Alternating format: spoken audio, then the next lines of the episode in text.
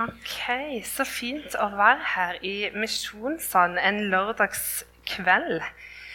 Eh, dette har liksom vært plassen min så, i så mange år, helt til jeg ble ansatt og begynte å jobbe i Vitalkirken på Tøyen. Så jeg føler liksom alltid jeg kommer litt hjem når jeg kommer her. Og så er huset fullt med litt nye folk. Men det er så godt å kunne være sammen med brødre og søsken i troa. Så, så godt å få være og takk for at jeg får komme og få være en del av denne taleserien her. Eh, og det å snakke om bønn eh, og vår far og liksom angripe det, det er bare Jeg blir liksom veldig ydmyk. for sånn, å, Hva kan en si om bønn, og hvordan favner det? Men jeg har bare lyst til å si at det er skikkelig viktig eh, for, vårt, for vår relasjon til Gud. Og jeg har bare lyst til å understreke det, og det kommer sikkert fram hele tida i denne taleserien her, som som dere har vært en del av. Men det er livsviktig for vår relasjon til Gud. For hvordan vi kan kommunisere med Han, men også hvordan Han kan få kommunisere inn i våre liv. Og bønn er så masse mer enn velvalgte ord, fordi bønn den forandrer oss. Det er intimitet med Gud. Vi får kjenne Guds hjerte når vi ber hva han vil over våre liv og over verden. Hvordan vi kan få kjenne han, men òg gjøre han kjent. Og jeg håper sånn at bønn er en virkelighet i ditt liv, du som kjenner Jesus, eller du som ønsker å kjenne han og følge han, tror på han. Og om det ikke er det, så våg å begynne å la det være en realitet og en virkelighet i ditt liv. Og det er genialt at du er her som tar opp tematikken der disiplene spurte Jesus lær oss å be. Hvordan skal vi be? Og det er blitt nevnt før, men jeg har lyst til å nevne det igjen. Jesus han lærer disiplene sine å be. Han lærer ikke hvordan de skal tale, hvordan de skal holde et møte, eller hvordan de skal gjøre alle disse andre greiene. Men han sa én ting vil jeg at dere skal vite hvordan dere gjør, og det er å be. Og Det er det en òg går igjennom her nå i misjonssalen. Så vi starter, eller fortsetter litt med å bare be. Og Jesus, vi takker deg for den du er. For at du er herre, du er konge, du er frelser. Du er den ene som vi trenger. Takk for at du er alt vi trenger. Hjelp oss til å be etter ditt hjerte, Herre. Må du åpne og gi lys innover våre liv, men utover òg i verden, så vi kan be til ditt hjerte. Og at vi kan få kjenne ditt ord og din vilje. Og la denne stunden her òg bli preget av deg, Jesus. Kom og vær du nær med din ånd, og tal du gjennom meg. Amen. Og i mine forberedelser til denne her prekenen her, så eh, har jeg jo tenkt mye på bønn. Og det vokste bare fram et, liksom, et behov, tror jeg.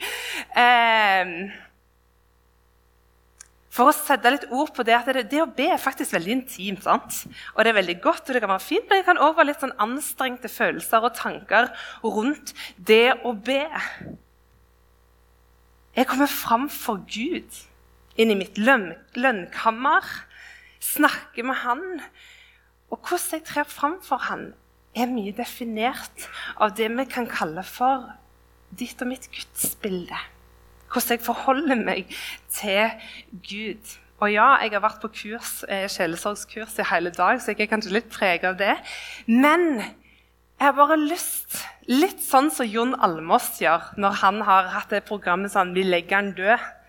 Så jeg har bare lyst til at vi skal gå inn og bare liksom faktisk legge litt død noen gudsbilder som ikke skal få lov til å ramme oss, og når vi skal tre fram for Gud og be. Og det jeg har lyst til å si først, er at Gud han er ingen genie-gud.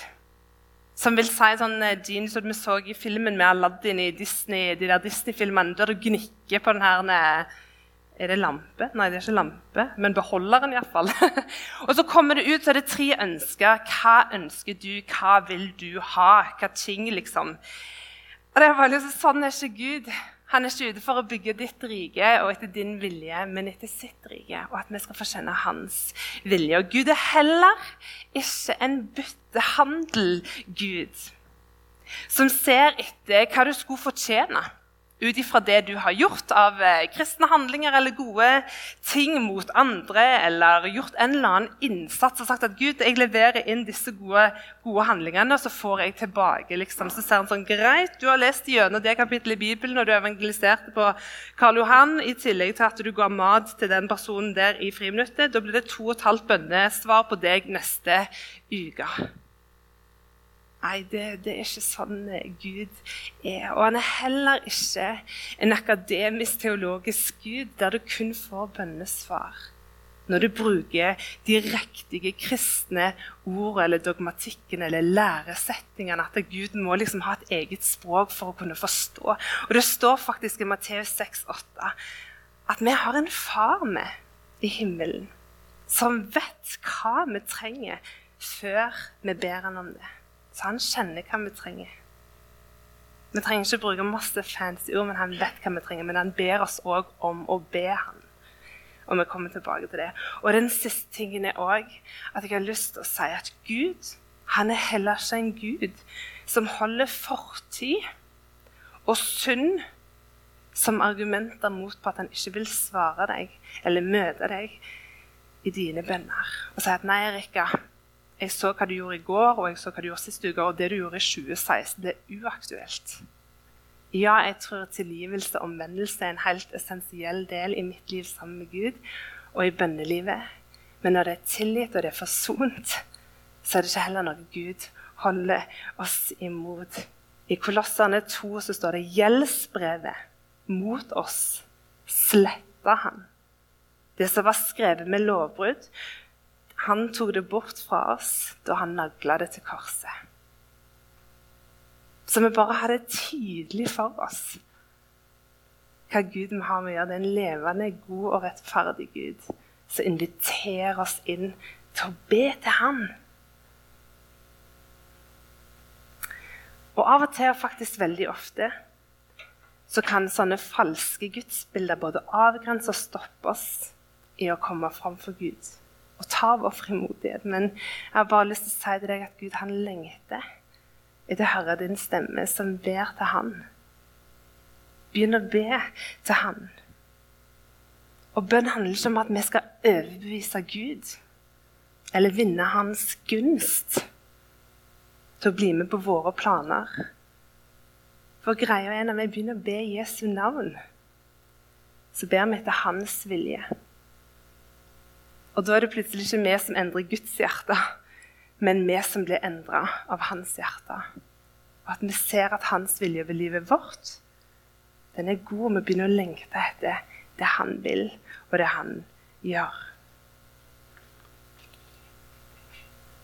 Ok, Det var bare litt sånn jeg hadde lyst til at vi skulle stå litt på den samme grunnen når vi går inn.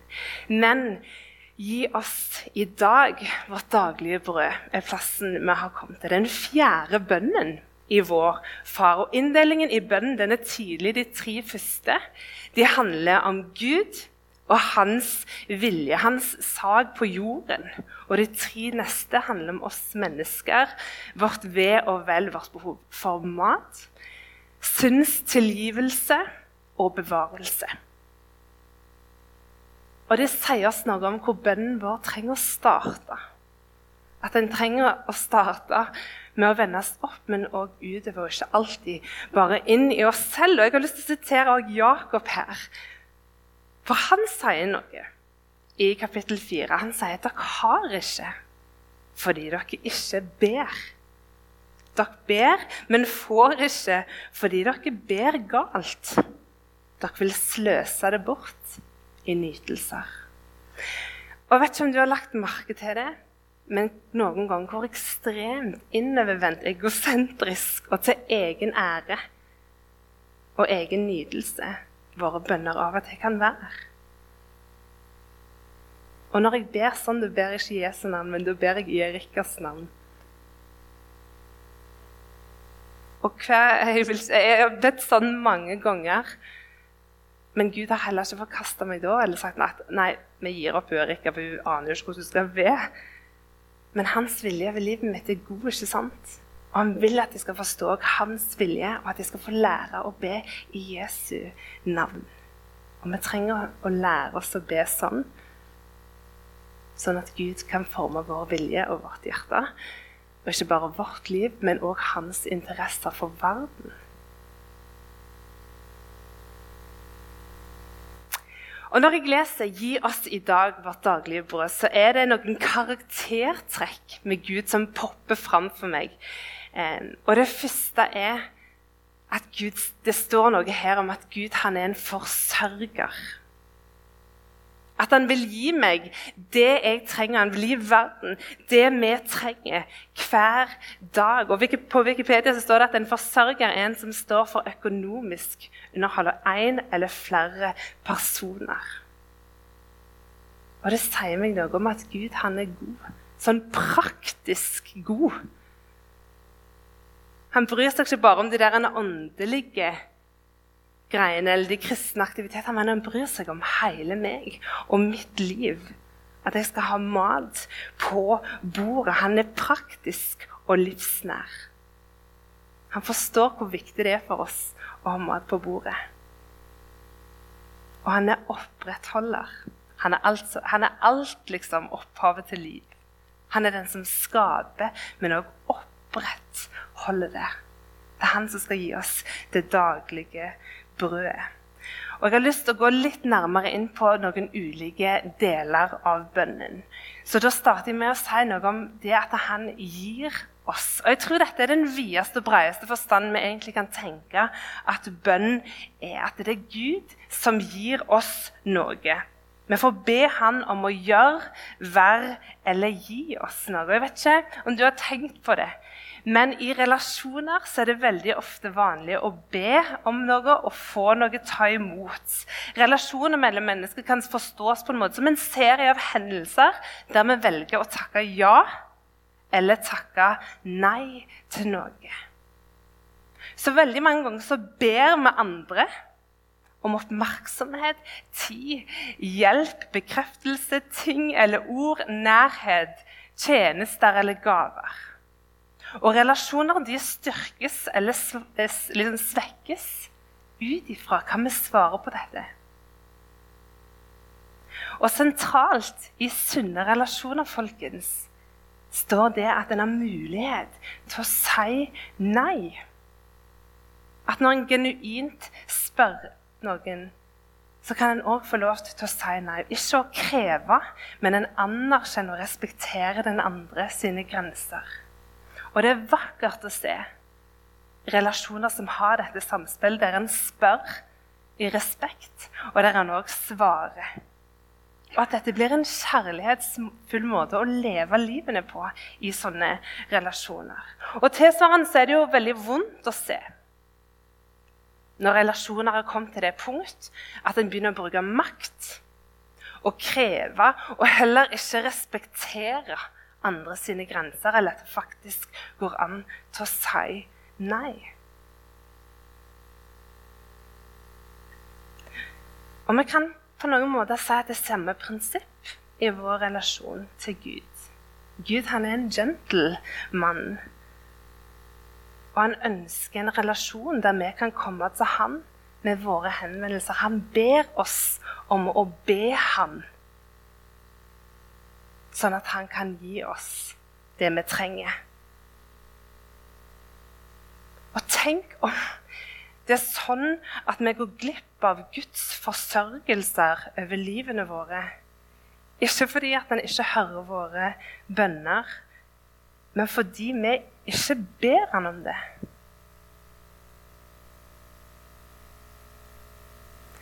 Gud han er en gentleman, og han vil respektere våre grenser, vår mulighet til å si nei og ikke invadere livet vårt uten at vi har bedt Han om det først.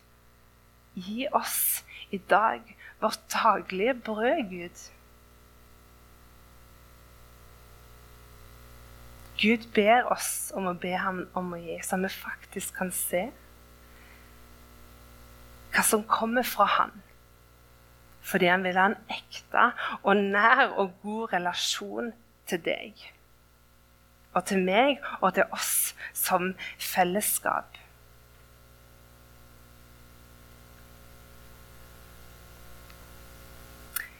I dag. I dag, Jesus.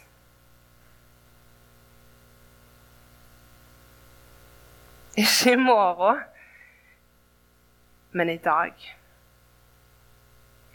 Vi lever i et enormt framoverlent samfunn. Jeg vet ikke om det er måten en skal beskrive det på, eller måten en skal si det, men og jeg tror liksom det er bra i mange tilfeller at vi er der. Ehm, men det som på en måte dagen i dag allerede slutt, for vi har allerede begynt å tenke på hva vi kan gjøre i dag for å overleve i morgen og det neste året, og hva planen er. Og vi blir travle. Og vi blir litt blinde for det som er rett foran oss. Så vi legger planer, vi fikser, vi sparer, vi jobber. Og den dagen jeg får pensjon, og liksom da skal jeg leve livet. Og misforstå meg riktig, jeg er en planlegger så det holder. Og jeg er glad for ting for meg i en kalender. Men jeg har bare lyst til å riste litt i oss og si at det eneste vi vet, og det vi eier og det vi har, er akkurat her og nå. Den pusten vi trekker inn og ut, som òg er gitt av Gud. Og er det noe Gud vil gi deg akkurat her og nå, men som meg og deg, vi går glipp av det fordi vi tenkte sånn på det brødet vi skulle ha for i morgen. Jesus, vis meg i dag hva det daglige brødet var. Og hjelp meg òg å være til stede for å kunne faktisk ta imot det daglige brødet i dag. Går jeg glipp av det Gud vil gi meg nå, fordi jeg er for opptatt med min plan i morgen? Det er min lille, korte refleksjon over da, i dag. For jeg har mest lyst å bruke tida på den siste delen av bønnen. Vårt daglige brød. Og på Jesu tid da spiste de masse brød. Det er litt sånn som oss her i Norge, faktisk. Vi er det masse brød. Jeg har gått på skole med både svensker og dansker, og de bare blir helt oppgitt når vi ser at liksom, det var brød til frokost, og det var brød til lunsj, og det er til og med brød til middag, og det er brød til kvelds. Eller sånn, Det er brød hele tida. Men på Jesu tid òg så levde de og hadde masse brød. Det var en hyppig form for mat, det var en enkel form for mat. Det kunne være billig og det var lett tilgjengelig. Men så ble det òg fort dårlig, så de måtte bake det ofte for at det ikke skulle bli mygla eller tørt eller ekkelt brød. Så de bakte det i hvert fall daglig. Så når Jesus snakker sånn her til sine disipler, så fatter de at liksom, stemmer, det var det daglige brødet. Det var ikke det brødet som hadde holdbarhetsdato uten månen. Det var for i dag.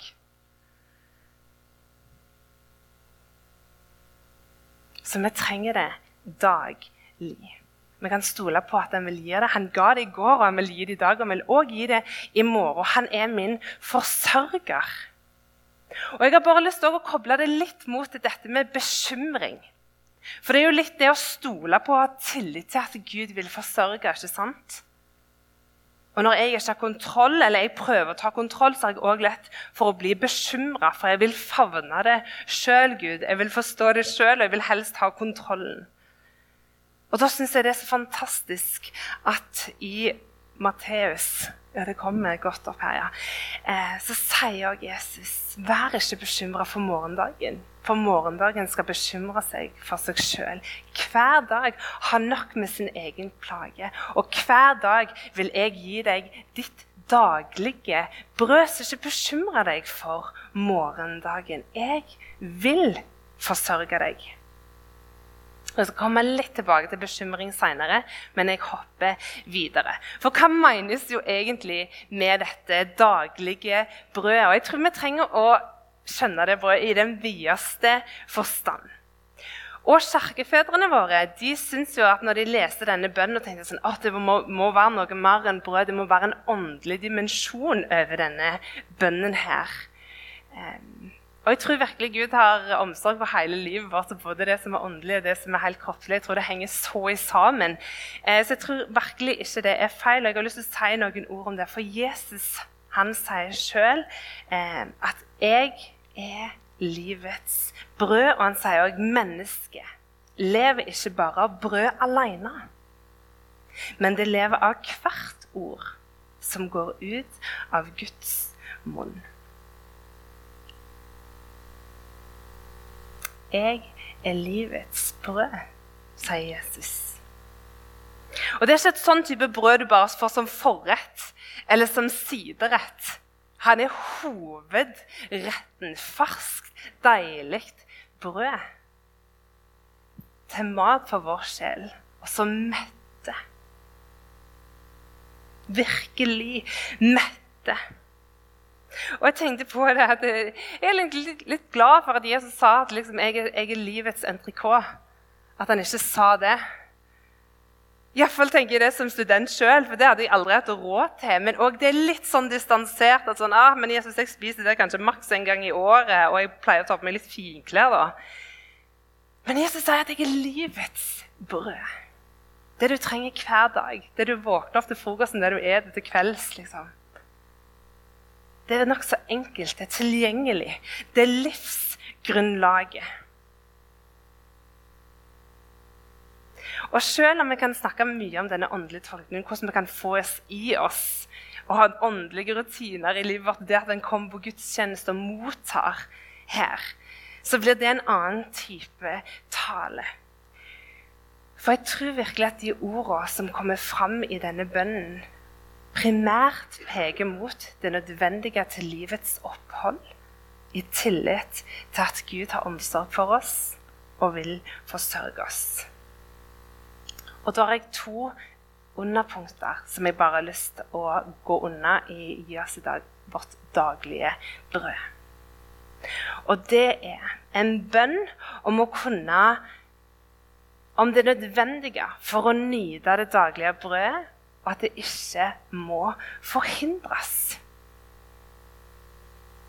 Og det strekker seg litt lenger enn bare det maten du har på bordet ditt, til din egen lille forsørgelse, til enten deg og familien din. Men det strekker seg så veldig mye lenger. Faktisk om systemet hvor maten kom ifra, fra butikkmedarbeideren til han trailersjåføren som kjørte maten til butikken, til fabrikken, til bonden, til jorda som maten kommer ifra. At vi får lov til å be inn hele velferden på en måte, og systemet. Avdelinger, relasjoner blant mennesker. At inn i bønnen Gud, må du gi oss det daglige brødet. Må du forsørge hele næringskjeden fra primær og sekundær. At det går via både menneskene som står i det, god jord til å nære men òg fred i verden. Blant mennesker. Og vet egentlig ikke om vi var så veldig opptatt av disse kornlagene i Ukraina før året 2020. Men vi innså at bare Å ja, stemmer det? Gud, må du gi oss det daglige brød og alt som forsørges fram mot det. La oss ikke bli hindra i det. Og må du være med og hjelpe inn i de situasjonene for at ting skal opprettholdes og være godt. Mot krig. Og at andre mennesker skal bli hindra å få sitt daglige brød. Og det er noe Luther òg peker på når han snakker rundt vår far om denne sosiale dimensjonen, en bønn om en sosial og rettferdig verden om at folket skal bli utnytta.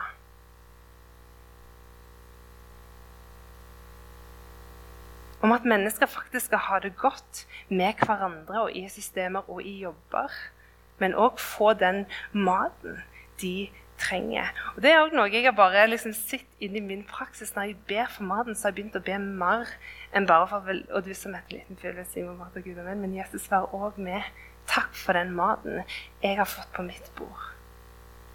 Må du forsørge de menneskene som ikke har, og hjelp meg òg å se alt jeg har. Og la verden bli litt mer rettferdig. Og be for de som styrer landet vårt. De som tar de store avgjørelsene. De som er med å føre krig eller jobbe for fred. Folkens, jeg tror det er en helt avgjørende og essensiell bønn å ta på alvor. Og Jesus ber oss om å be denne bønnen til han. Og gi det til han. Om fysisk mat og fysisk føde. Om god økonomi. Om forsørgelse for verden og for hele systemet. For landet vårt, for samfunnet vårt, for vårt eget liv og vårt nabolag. Og så har jeg òg lyst til å si at dette da blir en bønn om nødvendighet mer enn luksus. Og kirkefader Augustin han minnes om nettopp dette og trekker fram ordspråkene 38, holdt jeg på å si 30, kapittel vers 8. Og der står det Gjør meg verken fattig eller rik men la meg få den maten jeg trenger. Og Augustin han kommenterer det faktisk og skriver sånn Gjør meg verken fattig, så jeg misliker eller forakter deg, Gud, eller rik, så jeg glemmer deg. Men la meg få den maten som jeg trenger. En bønn som svarer til vår bekymring om at vi skal få det vi trenger. Samtidig en bønn mot fristelsen av å konsumere, hige og gripe til oss mer enn det vi faktisk trenger. Og akkurat på det så har jeg bare lyst til å trekke fram noe med det som kalles for et nok-punkt. At det å gi oss i dag vårt daglige bør lære oss om å forholde oss til vårt nok-punkt og være fornøyd når vi har det vi trenger. Og spørsmålet er vet vi når vi har det vi trenger. Det er et ordtak som sier 'mye vil ha mer'. Og jeg tror vi i Norden kan av og til preges av dette. Og det vet reklamebransjen og de som produserer. Og de spiller på det.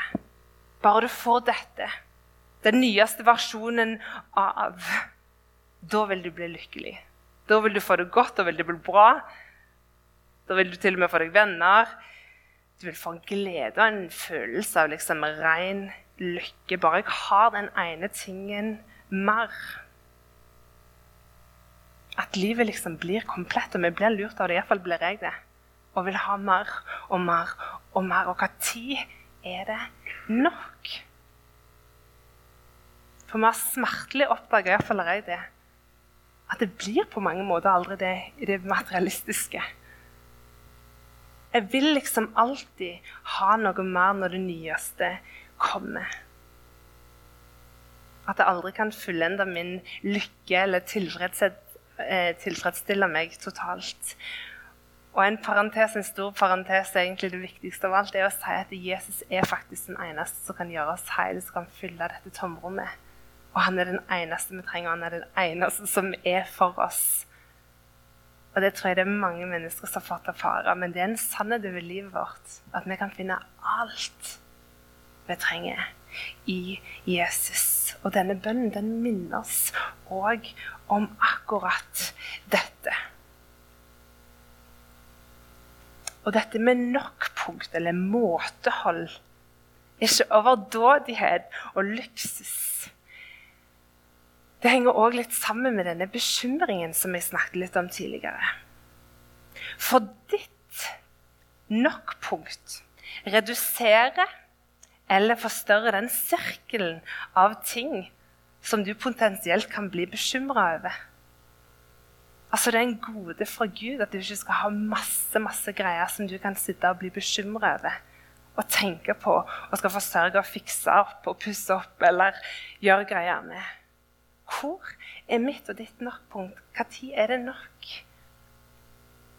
Og jeg syns Paulus han sier det sykt bra i Filippene eh, 4. For jeg har lært å klare meg med det jeg har. Og jeg vet hva det er å ha det trangt, og hva det er å ha i overflod. I alt og i alle ting er jeg innvea å være mett og være sulten. Å ha overflod og lide nød. Alt makter jeg i Han som gjør meg sterk. Paulus han hadde fått redusert sitt nok-punkt til sitt daglige brød. Og lært seg å være takknemlig for det han hadde.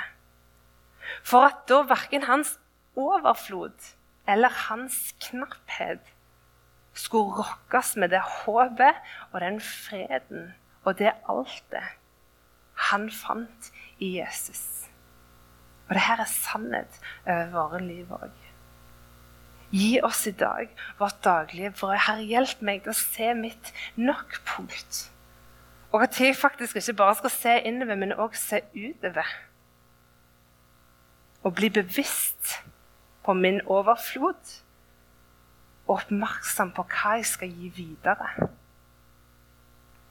Og at faktisk alle gode gaver og alt kommer fra deg, Gud. Så det handler ikke om at det er mitt, men det er ditt. Og det har gitt meg et ansvar til å være med og forvalte dette her. Og da ble plutselig ikke kallet mitt til å bygge mitt eget rike. Karre til meg å bygge opp. Men jeg kan, at jeg får liksom virkelig se at jeg har med en rik og forsørgende Gud. Som ber meg òg om å be Han om å gi og forsørge verden men òg hjelpe meg å forvalte den på en god måte. Og dette er noe av det jeg hadde lyst til å minnes om i dag. At Gud, han vil gi vårt daglige brød for i dag.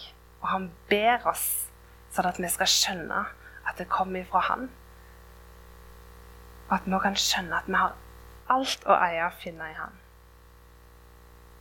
Og la oss be nå akkurat om det.